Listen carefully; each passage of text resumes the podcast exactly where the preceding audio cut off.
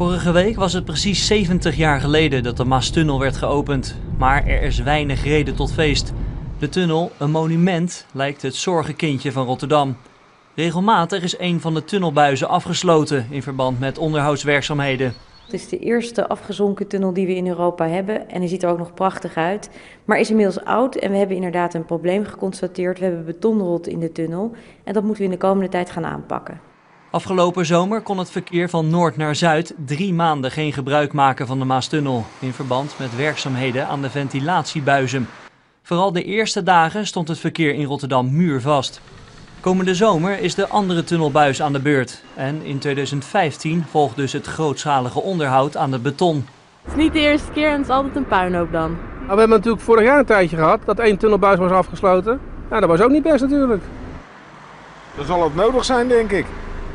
Je moet er toch niet aan denken als je er onderdoor rijdt dat je in één keer water op je klets krijgt, toch? Als ik me niet vergis, hebben de Duitsers hem niet willen bombarderen, de tunnel. Omdat hij voor hun nog zo nuttig was om er door te gaan. Dus dat wil wel wat zeggen.